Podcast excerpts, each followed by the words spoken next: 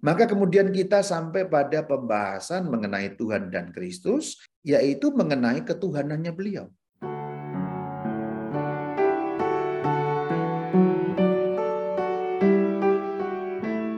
Kisah Rasul 2 ayat 36 ini adalah perkataan para rasul yang dalam hal ini adalah perkataan Petrus mewakili rasul-rasul yang lain.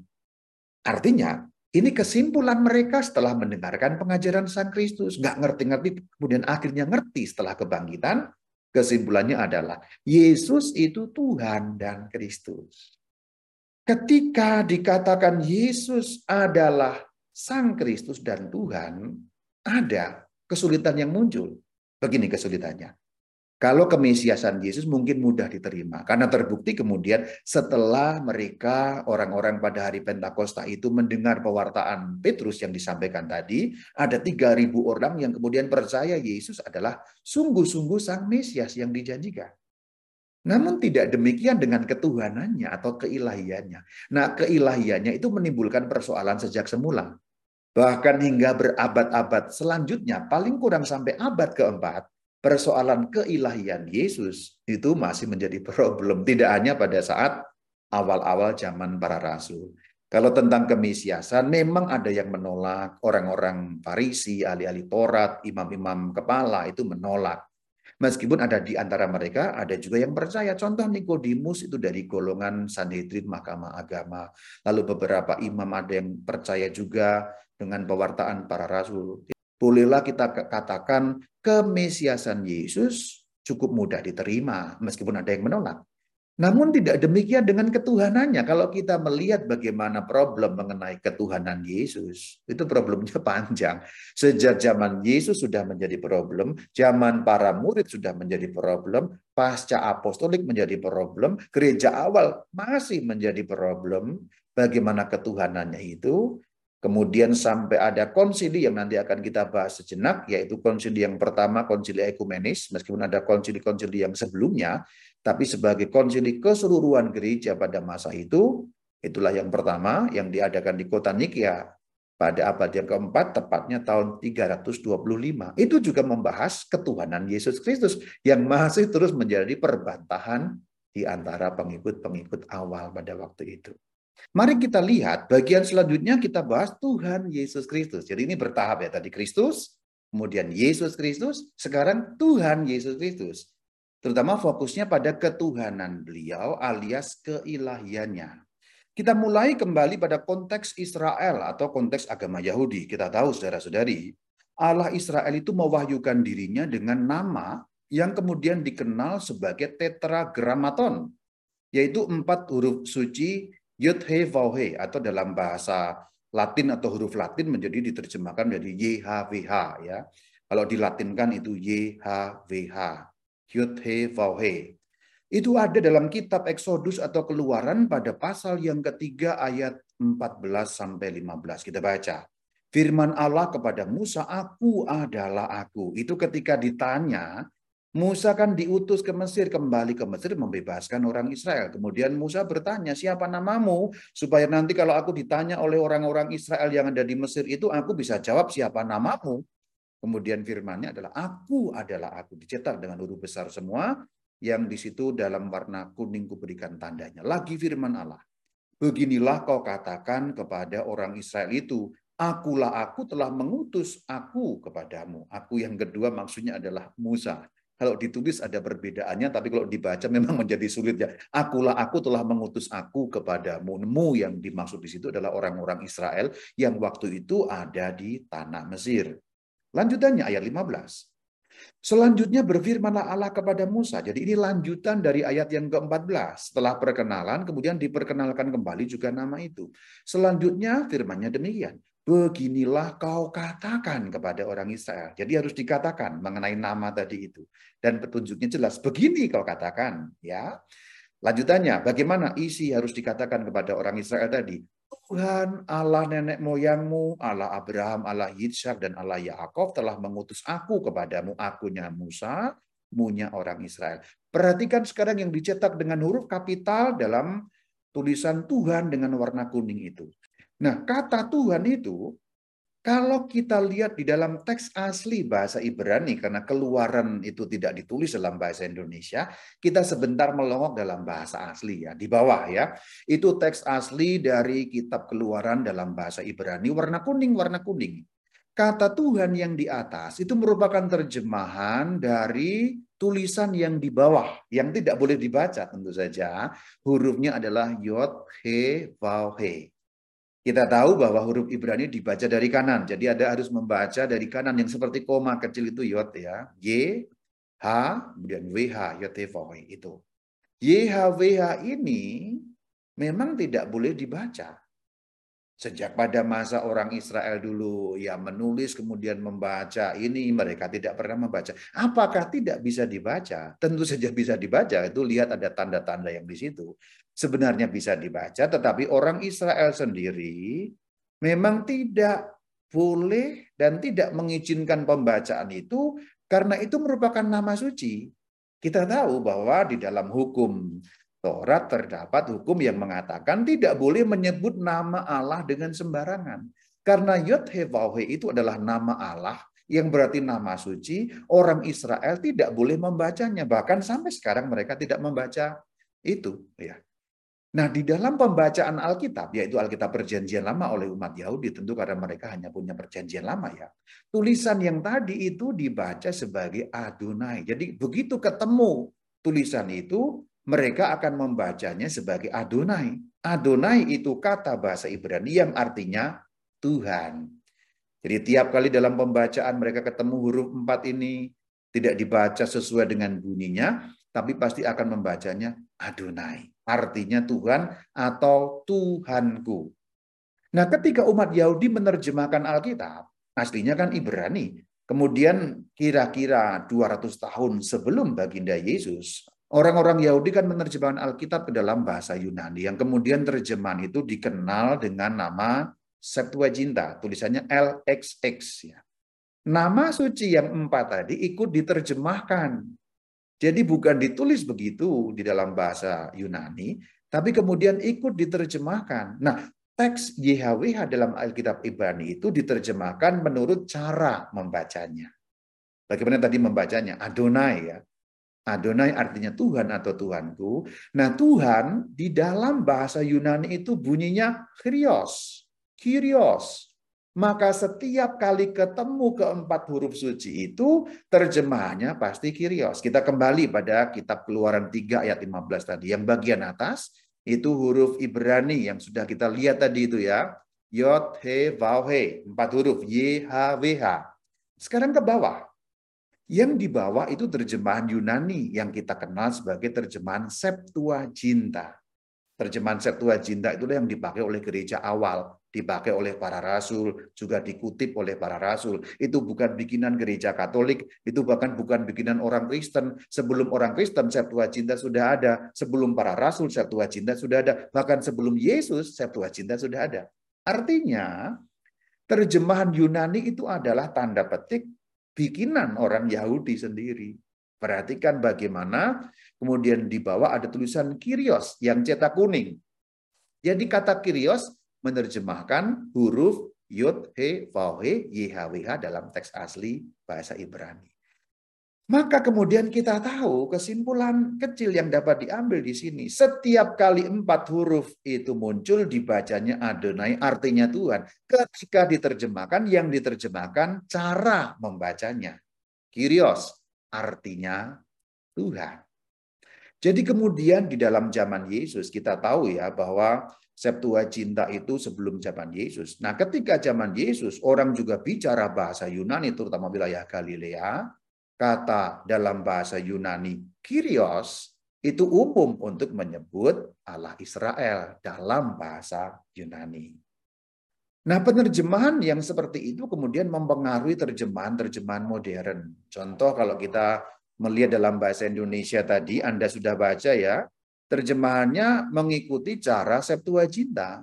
Umumnya ditulis dengan huruf kapital semua. Terjemahan bahasa Indonesia menulis Tuhan dengan huruf kapital semua. Itu suatu tanda bahwa setiap kali kata Tuhan dengan huruf kapital muncul, dalam teks asli itu Y, H, W, H. Itu maksudnya. Jadi nanti kalau Anda melihat perjanjian lama dalam teks bahasa Indonesia, setiap kali muncul Tuhan huruf kapital, Anda tahu itu nama suci YHWH. Bandingkan dengan terjemahan bahasa Inggris. Aku lagi-lagi kutip bukan terjemahan Katolik supaya tidak dituduh ah, itu bikinan orang Katolik gitu ya, enggak ya. Dan saya ambil dari King James Version ya, KJV. Kita lihat. Langsung yang cetak warna kuning ya, ini kitab yang sama, Exodus 3 ayat 15. Perhatikan ada kata Lord ya. Lord juga dalam terjemahan KJV ditulis dengan huruf kapital semua. Perhatikan, itu cara atau satu metode untuk menerjemahkan YHWH dalam bahasa modern. Nah, dengan latar belakang seperti itu kita tahu bahwa kemudian kata Tuhan, Adonai atau Kyrios dalam bahasa Yunaninya itu menjadi nama yang paling lazim untuk menyebut Allah Israel. Maka kalau orang Yahudi yang berbahasa Ibrani itu menyebutnya Adonai, artinya Tuhan. Orang-orang Yahudi yang berbahasa Yunani yang di luar, di luar Palestina, mereka tidak pakai bahasa Ibrani. Jadi konteksnya begitu ya. Orang-orang Yahudi itu ada di tanahnya sendiri, tanah Israel, mereka pakai bahasa Ibrani dan juga pakai bahasa Aram. Tapi mereka yang tersebar di antara bangsa-bangsa lain, mereka pakai bahasa Yunani. Misalnya di Alexandria contohnya ya. Alexandria di Mesir, orang-orang di sana nggak lagi tahu bahasa Ibrani, maka membaca Alkitab Perjanjian Lamanya, Alkitab Perjanjian Lama bahasa Yunani tadi itu. Jadi kalau bahasa Yunani kata Kyrios itu langsung untuk menyebut Allah Israel sebagaimana Adonai dalam bahasa Ibrani. Oke, ini agak-agak teknis mungkin untuk beberapa orang itu terlalu rumit dan membingungkan, tapi oke lah. Paling kurang Anda tahu ya bahwa Kyrios menjadi nama yang lazim untuk menggantikan kata Yod He Vau He YHWH dalam perjanjian lama. Itulah kemudian yang terbawa dalam perjanjian baru. Nah konteks perjanjian lamanya itu perlu dijelaskan. Supaya kalau kemudian kita beralih ke perjanjian baru, kita paham. Jadi kata Tuhan, Kyrios Yunaninya, sudah biasa untuk nyebut Allah Israel. Nah kemudian ketika perjanjian baru ditulis dalam bahasa Yunani, maka kata Kyrios itu pun dipakai. Maka kita melihat bahwa Yesus pun ketika menyebut Allah, Allah Israel tentu saja, yaitu Bapaknya, Yesus menyebut dengan istilah Kyrios, atau dalam bahasa Indonesia Tuhan, atau dalam bahasa Ibraninya adalah Adonai atau Adon. Kita lihat Matius 11 ayat 25 bagaimana itu kemudian disebutkan oleh baginda Yesus sendiri. Waktu itu berkatalah Yesus, aku bersyukur kepadamu, munya siapa Bapa. Sebutannya apa? Tuhan lah lihat. Jadi ketika baginda Yesus menyebut Allah, selain menyebut Bapa, beliau juga menyebut Kyrios. Kalau teks bahasa Yunaninya ini berbunyi Kyrios, Kyrie. Nah itu, aku bersyukur kepadamu Bapa Kyrios atau Kyrie gitu maksudnya. Kurang lebih seperti itu ya. Artinya ini mengacu pada Tuhan yang tadi itu. Yang diterjemahkan menjadi Kyrios dari YHWH tadi. Ini ayatnya. Ada beberapa ayat yang lain tapi aku kutip satu saja. Namun pada saat yang sama, ini uniknya kekristenan, Yesus pun juga disebut Tuhan dalam perjanjian baru. Dan dengan demikian diakui sebagai Allah. Dalam perjanjian lama, Tuhan, Adonai, Kyrios, ya hanya untuk Allah semesta alam. Tetapi kemudian di perjanjian baru, Yesus juga disebut Tuhan. Inilah kekasan kekristenan. Contohnya dalam 1 Korintus 2 ayat yang ke-8. Perhatikan. Tidak ada dari penguasa dunia ini yang mengenal hikmat ini sebab sekiranya mereka mengenalnya, mereka tidak menyalibkan Tuhan yang mulia. Apa Tuhan ada perdebatan yang disalibkan manusia atau Tuhan. Nah, Rasul Paulus memberikan jawabannya. Mereka tidak menyalibkan Tuhan yang mulia. Tuhan. Nah, Tuhan yang di sini yang dimaksud adalah Yesus Kristus. Perhatikan kata menyalibkan, bukan Tuhan Allah Bapa. Tapi Tuhan Yesus Kristus. Artinya diakui ketuhanannya di sini. Diakui keilahiannya. Dengan demikian para rasul dalam ini Rasul Paulus menyatakan Yesus ilahi. Yesus adalah Tuhan. Itu kan para rasul Rama. Iya. para rasul kan bisa saja mengambil kesimpulan keliru. Ya oke, okay. mereka tidak keliru tentu saja karena mereka mendapatkan bimbingan Roh Kudus dan dalam terang kebangkitan mereka mengerti. Tapi oke okay, kalau ada orang yang meragukan itu kan para rasul, apalagi Paulus ya oke okay lah gitu. Nah, sekarang kita tingkatkan. Kalau kata Yesus sendiri apa tentang dirinya? Pertanyaan yang dapat kita buat. Apakah Yesus mengaku dirinya adalah Tuhan? Yuk kita lihat. Dulu pernah ada itu. Zakir turun itu. Zakir turun. Tunjukkan satu ayat dalam Alkitab. Yesus mengaku dirinya, aku, aku adalah Tuhan. Aku akan menjadi Kristen. Lah ayatnya banyak banget. Kir-kir ya. Oke kita bahas. Dan ini mungkin juga akan membuat kita makin yakin mengenai keilahian Kristus. Apakah Yesus mengaku dirinya Tuhan? Kalau kita membaca Yohanes 13 ayat 13 sangat jelas. Kamu menyebut aku guru dan Tuhan dan katamu itu tepat sebab aku memang guru dan Tuhan. Perhatikan Yohanes 13 ayat 13. Aku yang di sini adalah baginda Yesus sendiri. Kamu para rasul ini konteksnya adalah perjamuan terakhir, detik-detik terakhir mereka berkumpul dalam perjamuan itu, kemudian ada pembasuhan kaki. Kalau Yohanes kan tidak menceritakan bagaimana perjamuannya secara detail, tapi lebih pada menceritakan pencucian atau pembasuhan kaki. Saya ulangi ya, kamu para rasul menyebut aku Yesus guru dan Tuhan. Lalu ada perkataan dan katamu itu tepat. Benar kira-kira begitu. Sebab aku memang guru dan Tuhan. Sebab memang akulah guru dan Tuhan. Kalau seandainya para murid kesimpulannya salah, maka baginda Yesus tidak akan mengatakan katamu itu tepat. Seandainya para murid menyebut Tuhan, mengakui sebagai Tuhan, Yesus adalah Tuhan itu keliru, ayat ini akan berbunyi kamu menyebut aku guru dan Tuhan dan perkataanmu salah. Yang benar aku bukan guru dan bukan Tuhan. Kira-kira begitu. Tapi dikatakan katamu itu tepat. Jadi ayat ini secara eksplisit adalah pengakuan Yesus Kristus bahwa dirinya Tuhan. Sebab memang aku adalah Tuhan. Kurang apa lagi? Masih ada ya. Yohanes 20, 28, 29, plus plus. Plus plus itu maksudnya ada beberapa ayat yang banyak, cukup banyak, bahkan sangat banyak. Tapi meskipun demikian saya tidak ambil semua, saya ambil beberapa untuk menjelaskan bagaimana Yesus adalah Tuhan. Perkataan dalam Yohanes 20, 28, 29. Thomas menjawab dia, dianya Yesus, Ya Tuhanku dan Allahku. Kata Yesus kepadanya dan seterusnya. Perkataan Yesus tidak menyangkal perkataan Thomas. Kalau seandainya perkataan Thomas itu perkataan yang salah, kesimpulan yang keliru, pasti dalam ayat 29 baginda Yesus tidak akan berkata demikian. Ketika Thomas mengatakan, Ya Tuhanku dan Allahku, Baginda Yesus tidak menyalahkan Thomas. Andai kata itu salah, pasti dikoreksi. Seperti ketika beliau mengoreksi tentang kemesiasan yang salah dalam pikiran para rasul. Andai kata itu salah, ya Tuhanku dan ini kan bertemu dengan Tuhan Yesus. Dan sapaan ya Tuhanku dan Allahku kan untuk Tuhan Yesus. Seandainya itu salah kesimpulannya, pasti 29 ini ayat ini mengatakan Yesus berkata kepada Thomas, Thomas gelar itu salah, aku bukan Tuhan dan bukan Allah. Kurang jelas apa lagi ya.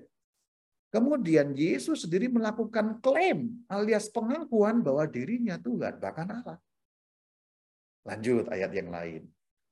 Dikatakan dalam Matius 14, 29, 30 sampai 31, Petrus turun dari perahu dan berjalan di atas air mendapatkan Yesus.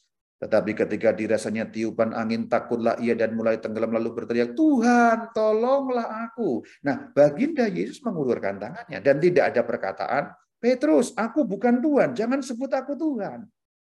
Ketika beliau mengulurkan tangan dan tidak memberikan reaksi pada gelar yang disampaikan oleh Petrus, yaitu Tuhan, pengakuan bahwa ini Tuhan, tidak ada koreksi berarti memang benar beliau adalah Tuhan.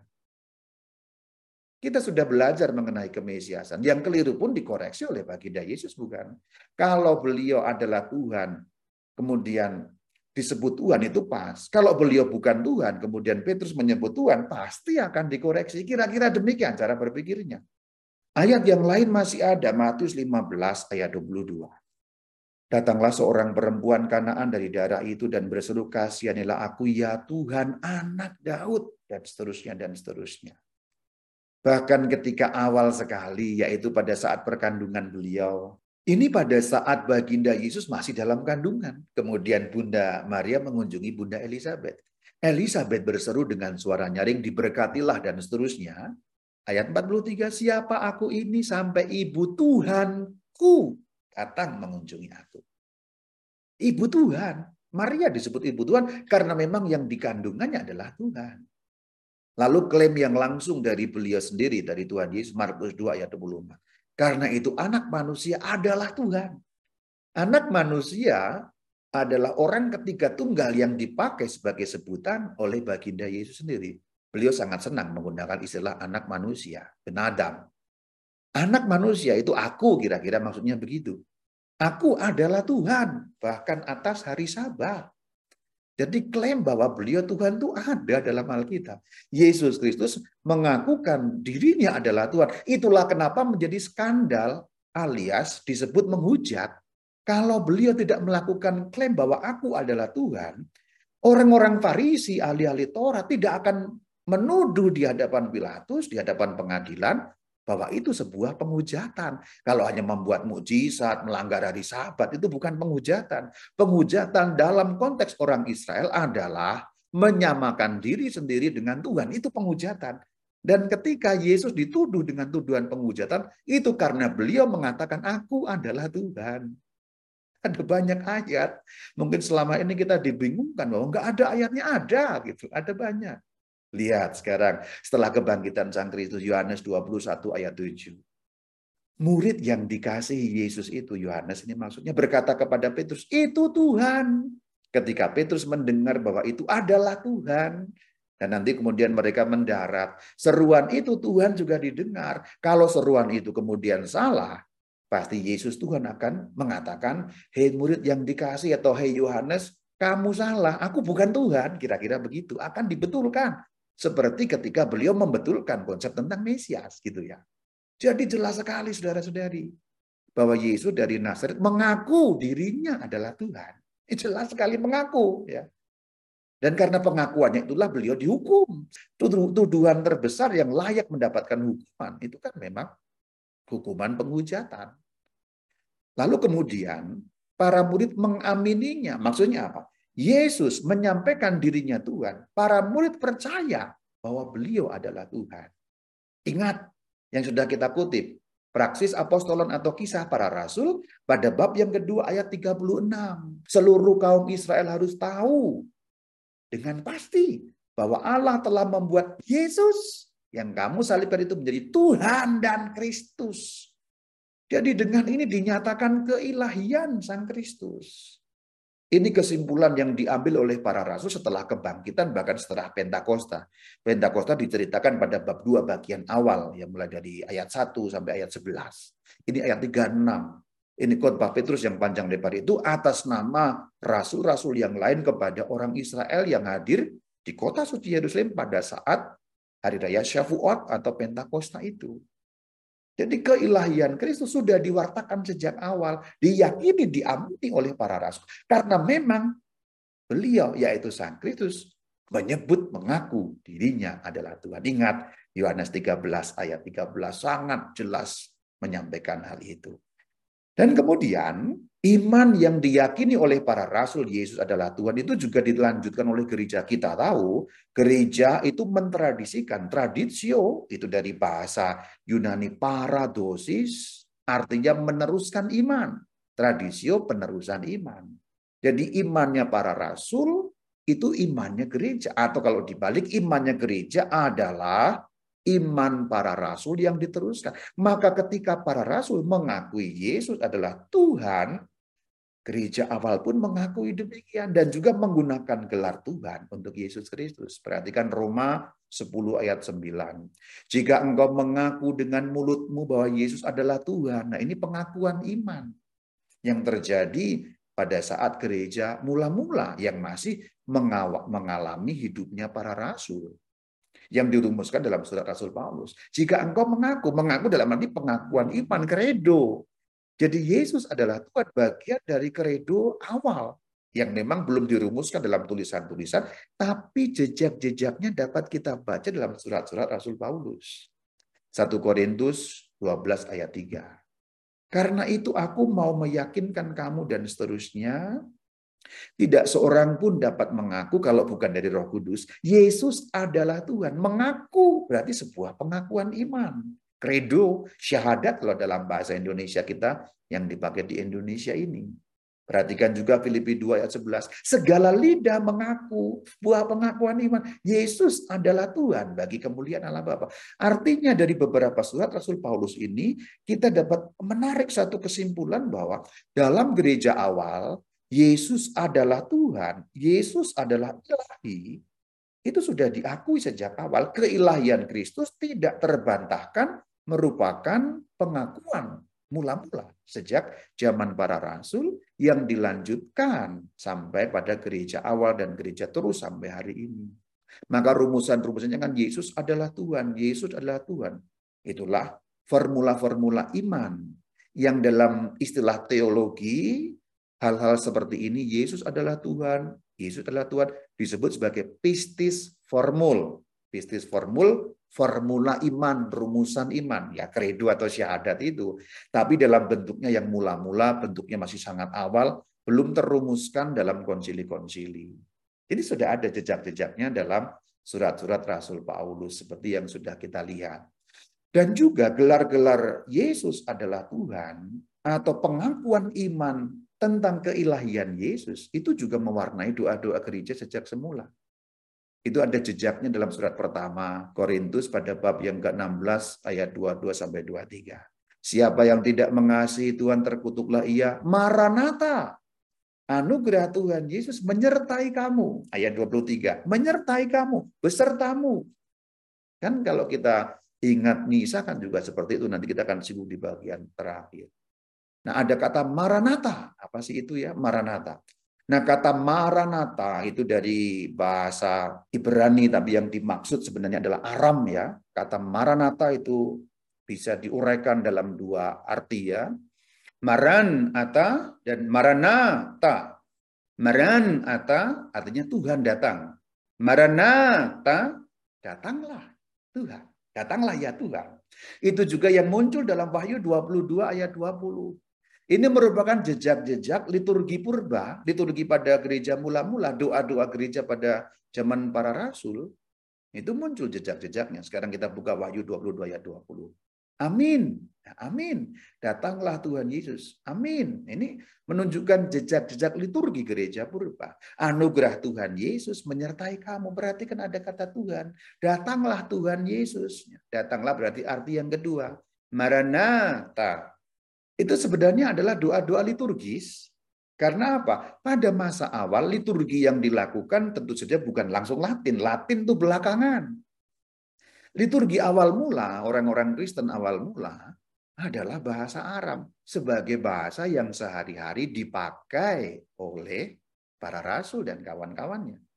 Ketika kemudian sampai pada tanah-tanah asing, sampai pada tanah Yunani, nah itu kemudian baru pakai bahasa Yunani, ketika sampai pada tanah Roma yaitu pakai bahasa Latin.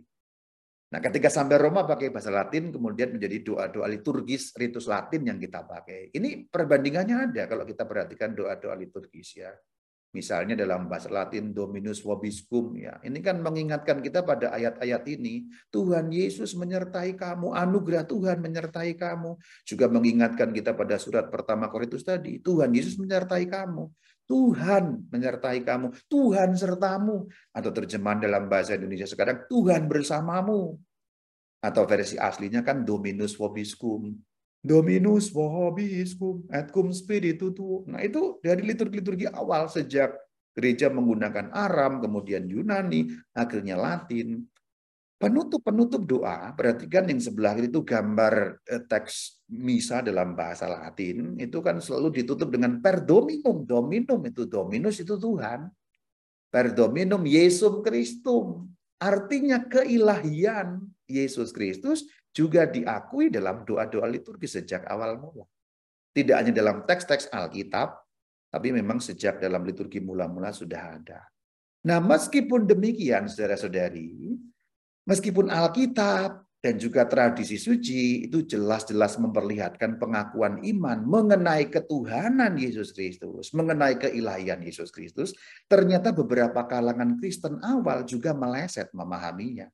Jadi sudah diwartakan jelas Yesus adalah Tuhan, Yesus adalah ilahi, pribadi kedua dari Tritunggal. Apalagi kalau kita kembali ke pertemuan yang pertama dulu kita sudah lihat bagaimana Yohanes 1 ayat 1, kemudian lompat pada Yohanes 1 ayat 14 pada mulanya firman, ayat 14 firman itu telah menjadi manusia, kembali ke ayat 1 firman itu adalah Allah, jelas. Tapi dengan demikian tidak tidak semua orang jelas dengan itu. Maka itulah yang menimbulkan perbantahan kristologis. Maka judul kali ini Kristus dan Tuhan, terutama pada penekanan bagian Tuhan yang tidak selalu mudah dan menimbulkan perbantahan kristologis di antara orang-orang Kristen awal.